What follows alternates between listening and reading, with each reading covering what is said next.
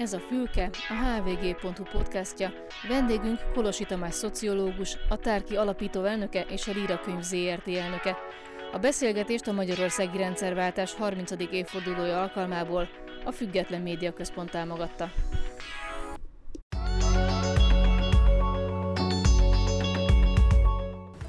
A magyarok jó részének azért csalódás volt a rendszerváltás, a demokráciától azt várták, hogy anyagi előrelépéshoz és a szociális biztonság reményét is elvárták. Ez egy valós várakozás volt? Tehát lehet ezt várni egy demokráciától, hogy anyagi előrelépést hozzon és teremtse meg a szociális biztonságot?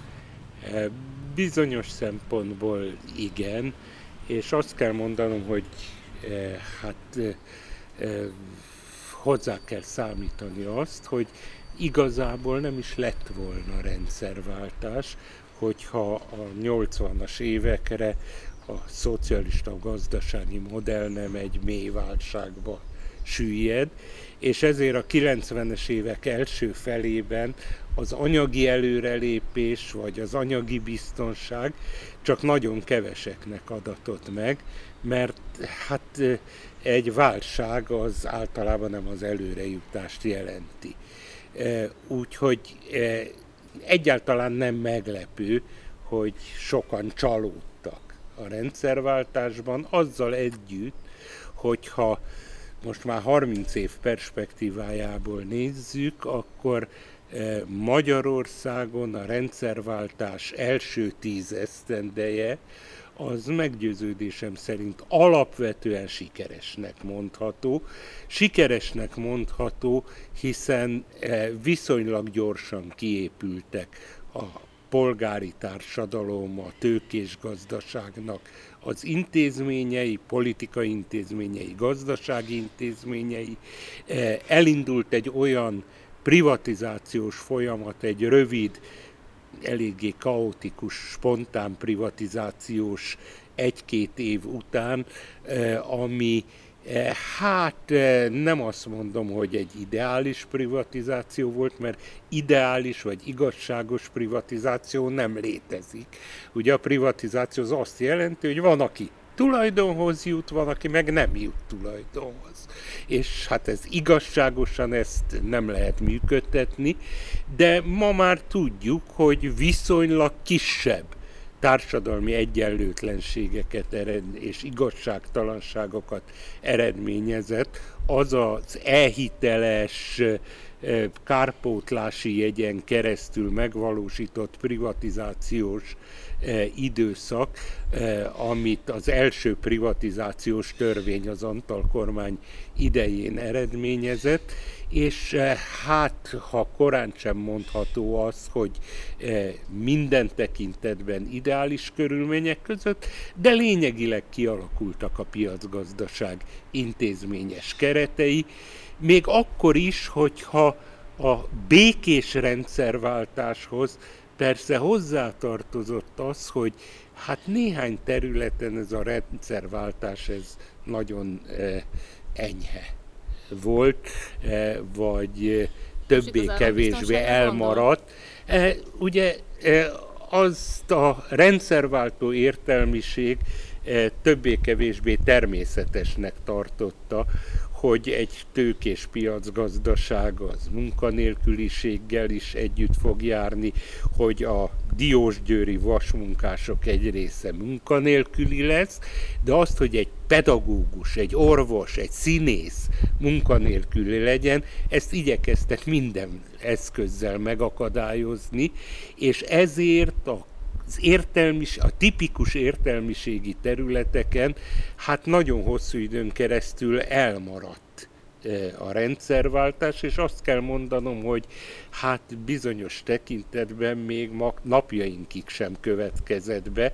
E, ha a magyar egészségügy állapotára gondolunk, akkor tudjuk, hogy itt a rendszerváltás az e, mindenféleképpen csak azt jelenthette volna, hogy egy, e, mint a világon mindenütt, egy biztosítás alapú egészségügy alakuljon ki, és hát ez még igazából a mai napig is nagyon csökevényes 30 év után.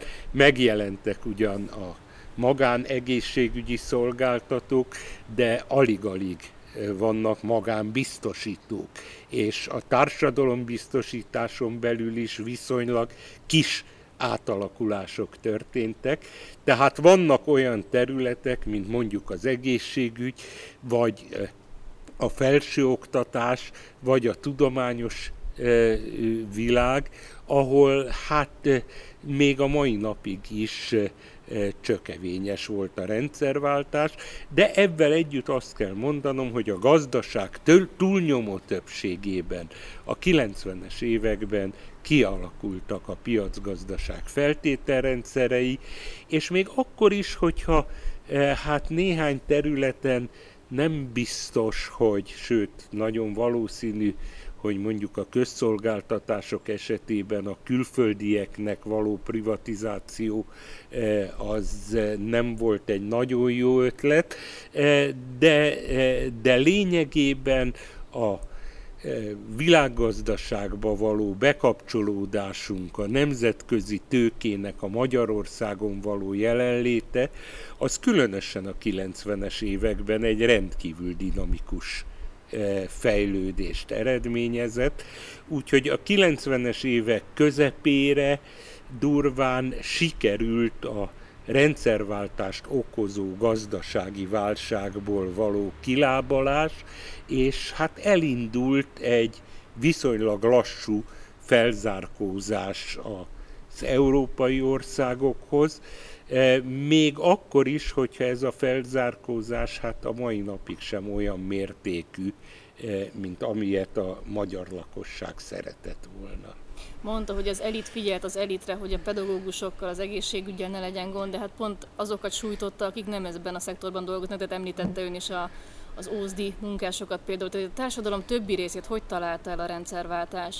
Nagyon nagy, volt egy olyan csoport, akinek folyamatosan változott a helyzete, nagy volt az ingadozás, nagyon sokan lettek munkanélküliek, nyilván nem voltak fölkészülve arra az új rendszerre, amit így, jött. Így van, eh, hát eh, eh, egyrészt a munkanélküliség is nagyon magas volt, nagyon magasra ugrott föl a szegénység is a magyar társadalomban. Már a 90-es évek végére a szegénységnek a dinamikus növekedése, hát attól függ, hogy milyen mértékegységet veszünk, de mindenféleképpen csúcson volt az utóbbi 50 év magyar történelmében. Nagyon jelentős volt az inflációnak az alakulása, volt olyan év, amikor közelítette a 30%-ot az infláció, és ennek megfelelően nagyon magasak voltak a, gazdas, a kamatok is, ami hát igazából szinte lehetetlenné tette a ö, gazdaságon belül bizonyos vállalkozásoknak, bizonyos szektoroknak a növekedését. E, tehát e, nem állítom egy szóval sem, hogy egy diadalmenet lett volna a 90-es évek eh, Magyarországa, de ahhoz képest, hogy utána a 2000-es évektől még erőteljesebb konfliktusok és problémák alakultak ki eh, a magyar társadalomban. 2000 után mélyült a kettéosztottsága a magyar társadalomnak, eh, amikor 2000 év végén, 2000 decemberében eh, Orbán Viktor miniszterelnök úgy ítélte meg, hogy Magyarországon senki nincs középen, és ezért a ő a jobb oldalt akarja integrálni, és majd ellenfelei talán integrálni fogják a bal oldalt, akkor elkezdődött egy árakásási folyamat, ami tulajdonképpen a mai napig tart, még akkor is, hogyha én persze avval nem értek egyet, hogy eh, minden politikai különbséget, minden politikai differenciát azt már ároknak érzékel a magyar értelmiségnek egy jelentős része, mert hát az természetes, hogy egy plurális politikai rendszerben különbségek vannak, különböző vélemények vannak, konfliktusok vannak. Tessék körbenézni bárhol Európában, vagy bárhol a világban. E, a plurális politika, a több pártrendszerű politika, az konfliktusokat, differenciákat, helyenként még árkokat is eredményez, de ez nagyon eldurvult a 2000-es évtized után Magyarországon, és hát igazából egyik politikai oldal sem törekedett arra, hogy ezeket az árkokat betemesse, vagy egy kulturáltabb politikai hangulatot teremtsen Magyarországon, még akkor sem, hogyha mm, a megyesi kormány annak idején az árok betemetés jelszavát hangsúlyozta, de a gyakorlatban nem történt ebbe az irányba semmilyen komolyabb lépés. Visszatérve még egy picit a, a társadalom, az kész volt 90-ben erre, ami következett? Szerintem a társadalmak soha nincsenek készen. A társadalmaknak az a sajátossága, hogy alakulnak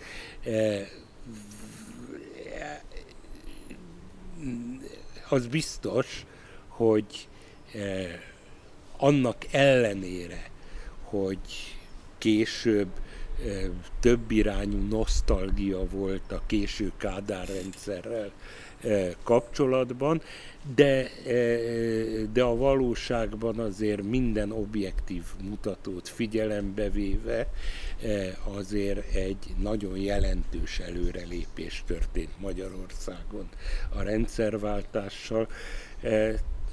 Akik olyan nagyon komoly nosztalgiával élnek, azok vegyenek elő néhány fotót mondjuk az akkori városokról, községekről, üzletek kirakatairól.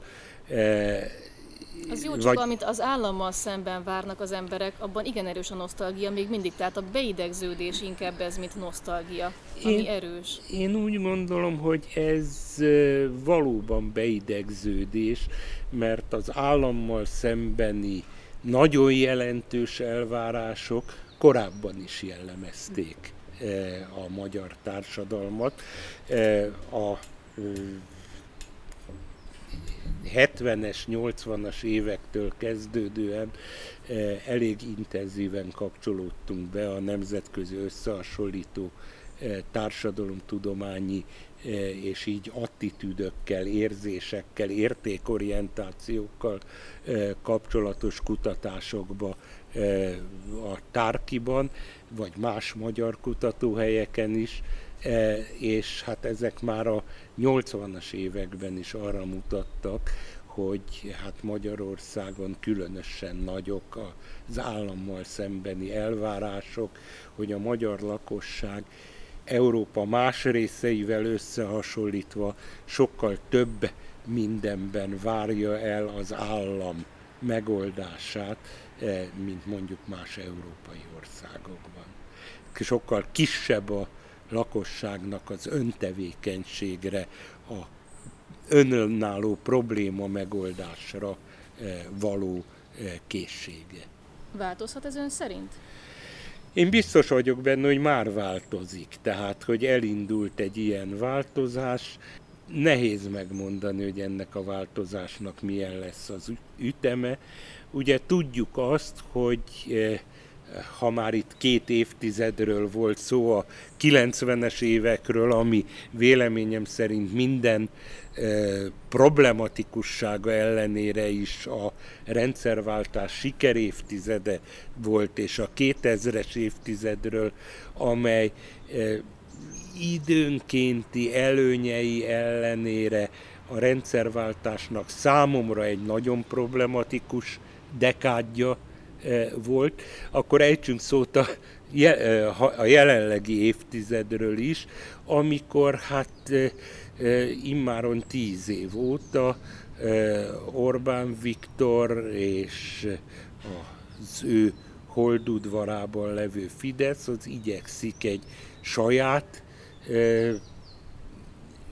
általuk úgynevezett illiberális rendszert kiépíteni. Én inkább azt mondanám, hogy ez egy olyan klientúrán alapuló rendszer, amelyet állami eszközökből hoz létre a kormányzó párt, és ennek ezen a klientúrán alapuló rendszer ugyanakkor egy viszonylag tűrhető életszínvonal fejlődést hozott a 2010-es években, a 2010-es évek második felében jelentősen csökkent a szegénység Magyarországon, tehát egy olyan ellentmondásos helyzet alakult ki, amikor a politikában és a társadalmi szerkezetben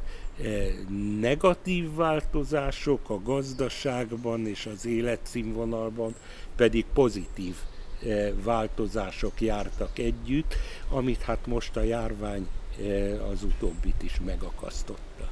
Milyennek látja ezt a klientúrát? Nagyon nehéz egy szóval vagy röviden jellemezni ezt a klientúrát, mert belsőleg tagolt.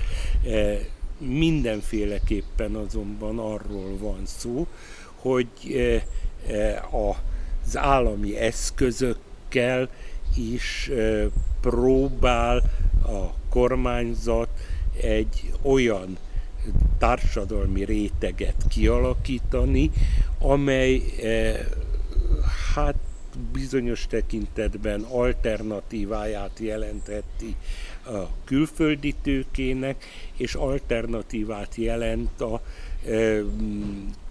90-es, 2000-es évtizedben kialakult magyar tőkés osztály, tradicionálisabb tőkés osztály számára is.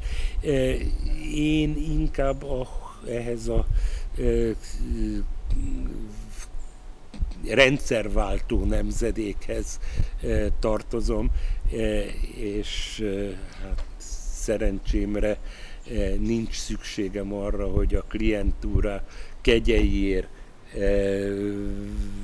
átsingózzak, de, de úgy gondolom, hogy azt látni kell, hogy itt folyik a javaknak egyfajta újrafelosztása, még ha ez korán sem olyan mértékű, mint nagyon sokszor érzékeljük, mert azért a magyar GDP termelésben továbbra is a külföldi tőke és a tradicionális mármint a rendszerváltás óta tradicionálisan kialakult hazai tőkének az aránya még mindig meghatározó, de mindenféleképpen itt folyik egyfajta újra elosztás, és ennek az újraelosztásnak nem csak a gazdasági következményei eléggé súlyosak, hanem úgy látom, hogy a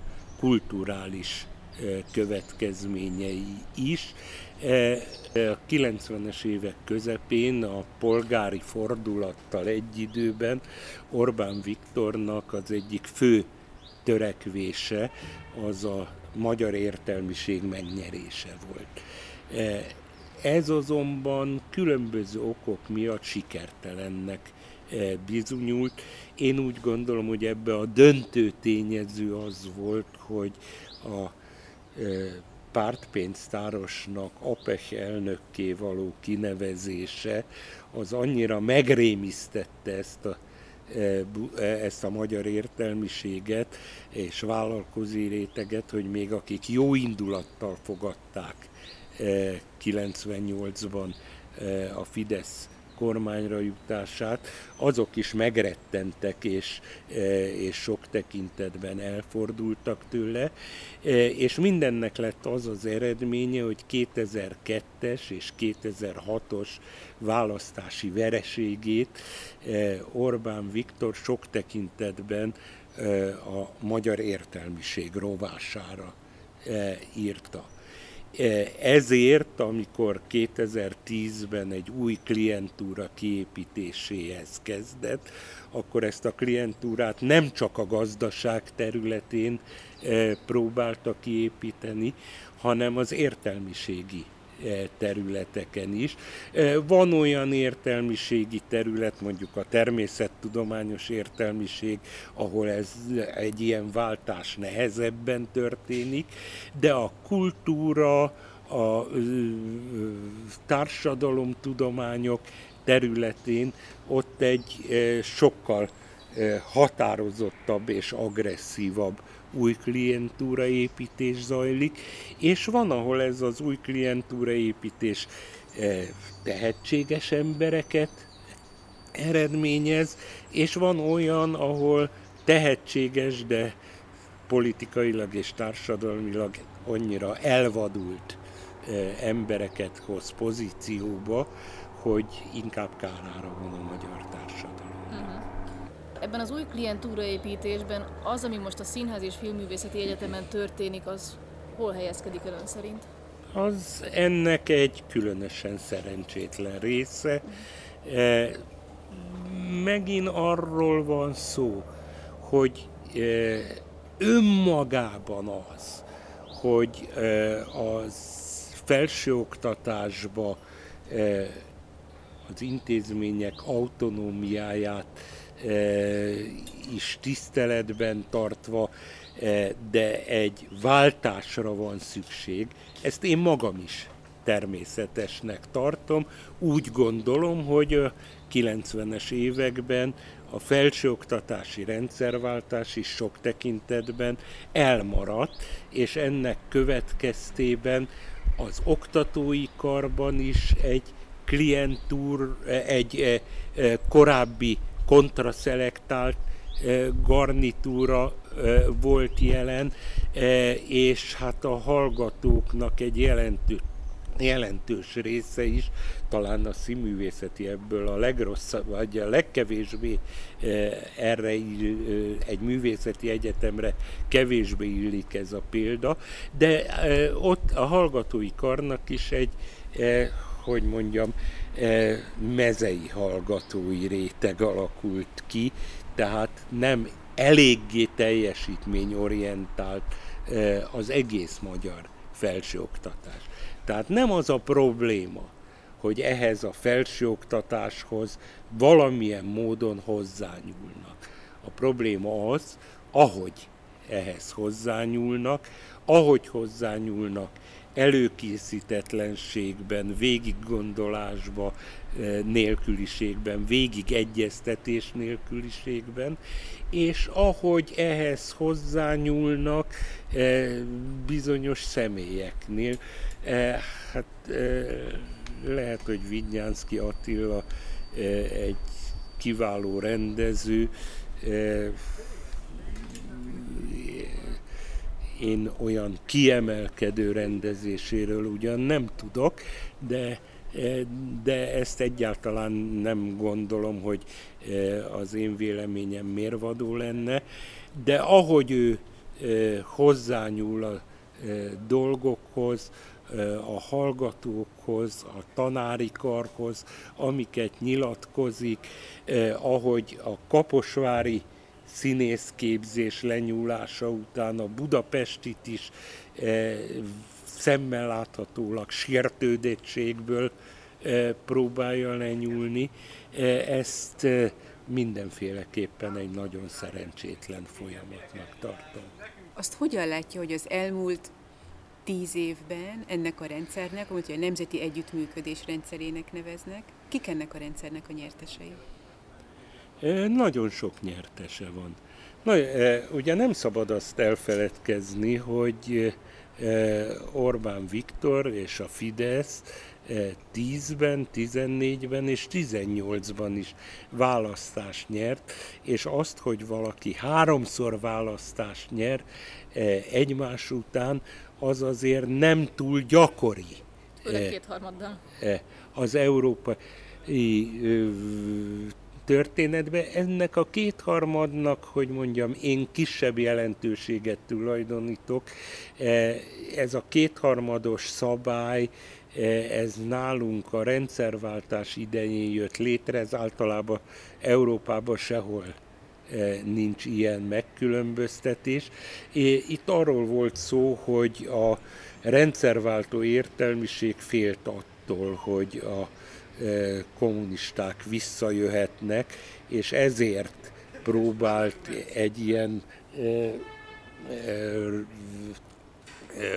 kétharmados korlátot még külön bevezetni, tehát ez egy nagyon helyi jelentőségű dolog, eléggé problematikus szerintem önmagában az, hogy alkotmányos jogokat akár kétharmados módon is ilyeténképpen lehet megváltoztatni, de az mindenféleképpen hát tiszteletre méltó, vagy tudomásul kell venni, hogy, hogy azért három választást egymás után nyert meg Orbán Viktor, és jelenleg is hát teljesen nyíltnak tűnik még a 2022-es választás.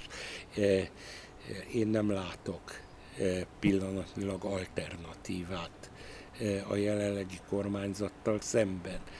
Na most egy demokratikus országban az, hogy háromszor egymás után választást tud nyerni egy politikai erő, azt azért nem szabad lebecsülni, mert nagyon tévútra kerülünk, hogyha ezt lebecsüljük, manipulációnak, vagy nem tudom minek tudjuk be. Itt arról is szó van, amire már korábban a gazdasági folyamatok és az életszínvonal kapcsán utaltam, hogy azért különösen a 2010-es év második felében Magyarországon széles néprétegeknek jelentősen javult az életszínvonala, és hát ezek a rétegek azért egy politikai kampányban kevésbé fogékonyak eh, az értelmiségi szabadságjogok és alkotmányos korlátok megítélésére, mint sem a saját életszínvonaluk alakulására. Erre mondják azt, hogy Orbán Viktor jól élti a magyar népelket. Eh, bizonyos szempontból így van. Én úgy gondolom, hogy Orbán Viktor egy nagyon tehetséges politikus, még akkor is, hogyha az utóbbi néhány évben ezt a tehetséget nem mindig olyan e, dolgokra fordítja, amelyek nekem kedvemre valók. Nem titkolt célja egyébként az is, hogy a középréteget erősítse. Ezt azért lehet tudni évek óta. Ön ezt hogyan látja, hogy mennyire sikeres ez az igyekezet? E, én úgy gondolom, hogy ez egy nagyon jó cél lenne, de nem eléggé sikeres. E, 2000-ben írtam egy könyvet a társadalmi szerkezet alakulásáról, amelynek azt a címet adtam, hogy a terhes babapiskóta, mert nem egy tényállapotot, hanem egy kívánatos állapotot próbáltam leírni, hogy igazából egy olyan társadalom lenne az ideális, amelyben egy e, viszonylag nagy hasa van ennek a terhes babapiskótának, tehát egy nagy középréteg mellett ott van egy ennél kisebb elit, és egy hasonlóan viszonylag kis létszámú, lemorzsolódó, lemaradó réteg. Nem ismerek olyan társadalmat, amelyben ne lenne szegénység, amelyben ne lennének lemorzsolódó rétegek, tehát e, itt inkább egyfajta kiegyensúlyozottságra e, mint sem a szegénység vagy az alsó rétegek felszámolására lehet számítani. Azok, akik eh, a leszakadók között vannak, ma Magyarországon mindenféle számítás szerint 3 millió szegény ember él. Ez egy butaság szerintem, mert eh, nem lehet olyan számítást mondani, amiben 3 millió szegény van.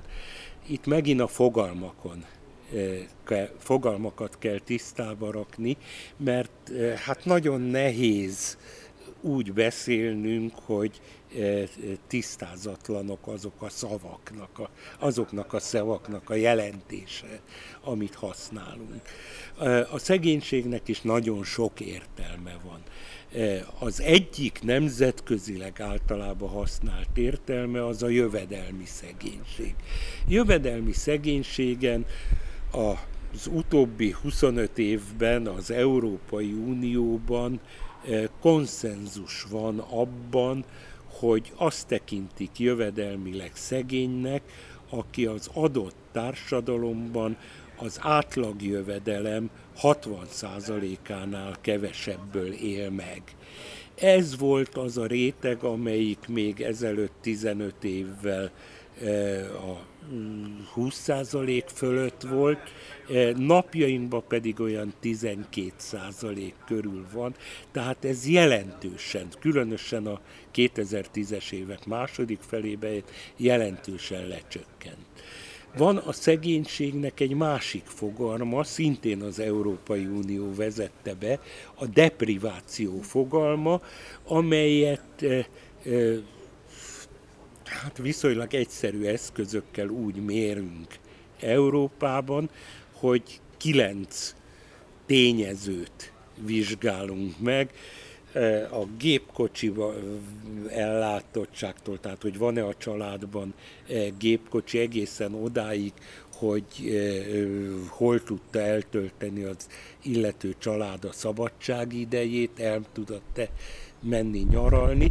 Tehát kilenc ilyen tényezőből, hogyha három vagy súlyosabb depriváció esetén négy hiányzik, tehát nincs meg az adott családban. Ezt tekintjük Európában deprivált családnak, és ennek a az aránya is nagyon jelentősen lecsökkent. Ezelőtt 10-15 évvel itt még 30%-ot valóban közelített ez a deprivált arány. Ma erősen a 20% alatt van, 17-18% ezeknek az aránya. De bocsánat, ez azért van, mert hogy a közmunkaprogram az pont ezt a réteget célozza, vagy pedig azért van, mert hogy ki tudnak törni abból a helyzetből, amiben vannak. Tehát ez egy felemelkedés is magával hozott, vagy egyszerűen csak azt, hogy, hogy plusz pénzt kapnak ilyen? Nem. A közmunka szerintem nem a plusz pénz szempontjából jelentős. Én nagy híve vagyok a közmunka programoknak, de nem mint anyagi juttatásnak elsősorban, hanem azért, hogy egy a több nemzedéken keresztül szörnyű helyzetet teremtett az, hogyha a gyerekek abban nőttek fel, hogy a szülőknek nincs hova elmenni dolgozni, nincs mit csinálniuk, otthon vannak, egész nap a tévé előtt ülnek, vagy még az sem, e, tehát e, e, mindenfajta perspektíva nélküliséggel szembe a közmunka még akkor is, hogyha persze ez nem jelenti a normál munkaerőpiacra való visszakapcsolódást, de az mindenféleképpen egy jó kezelését eh, jelenti a helyzetnek. Egy kicsit azt merném mondani, hogy eh, változtatva a változtatandót, mutatis mutandis, eh, ez egy olyan helyzet, amit régen úgy neveztek, hogy nem halat kell adni elsősorban az embereknek, akik éheznek, hanem hálót, hogy halászni tudjanak. A közmunka az valahol félúton van a hal és a halászat a hal és a háló között. Mm, tehát én annak nagy híve vagyok, de ezt nem annak tulajdonítanám, hanem sokkal inkább annak, hogy valóban a anyagi értelemben, jövedelmi értelemben, fogyasztói értelemben csökkent a depriváltaknak a száma és az aránya Magyarországon.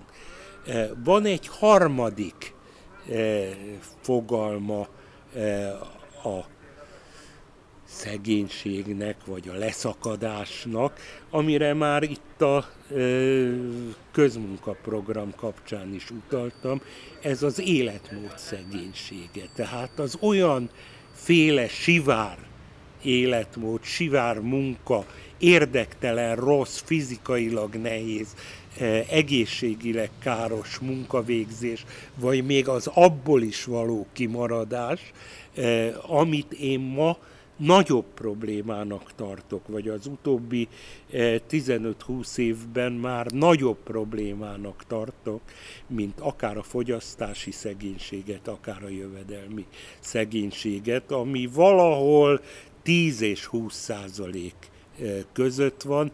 Ez az életmód szegénység, ez ennél kiterjedtebb.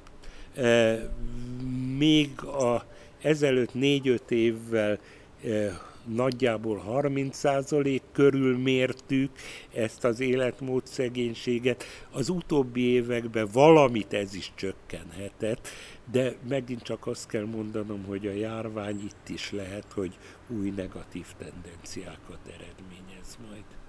Orbán Viktor azt mondja, hogy ő 2030-ig tervez.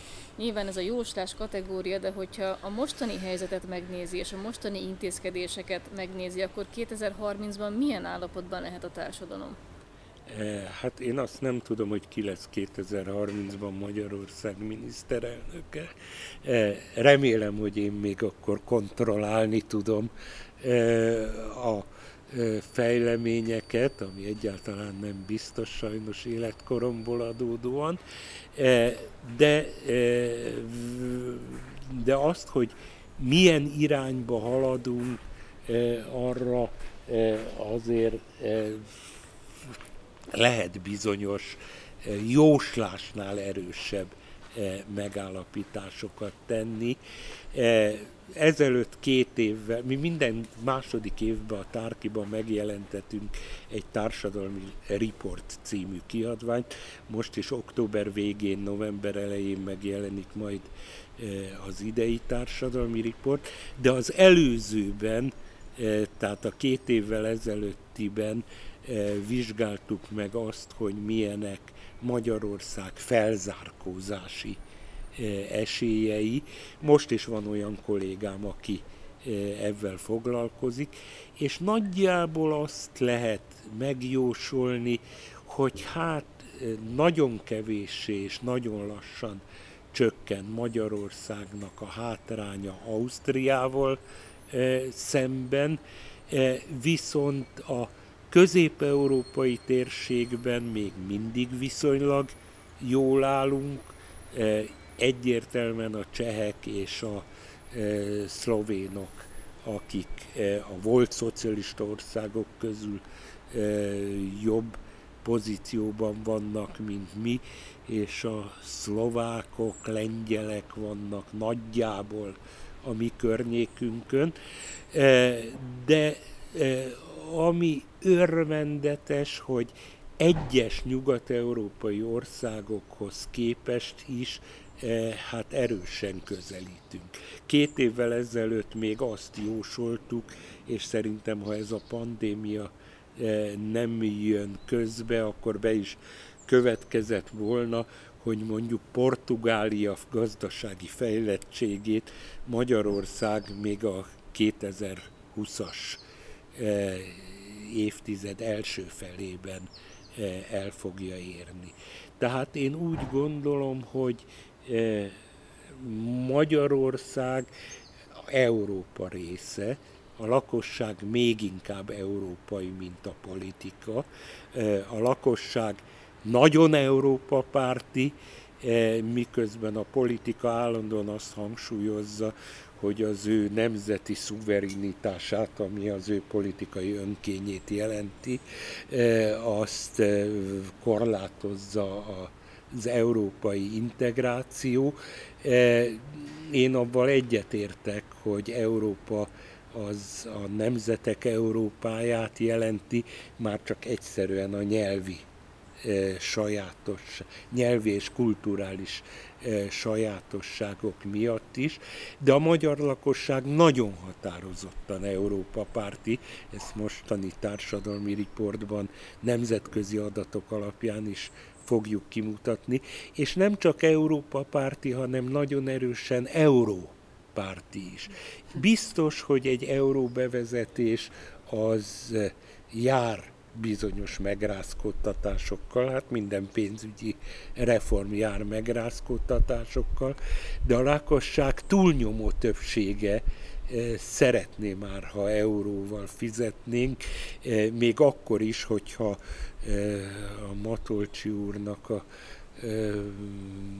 mozgásterét ezt szűkíteni, mert hát nyilvánvaló, hogy egy nemzeti bank szűkebb lehetőségekkel rendelkezik a monetáris politikában egy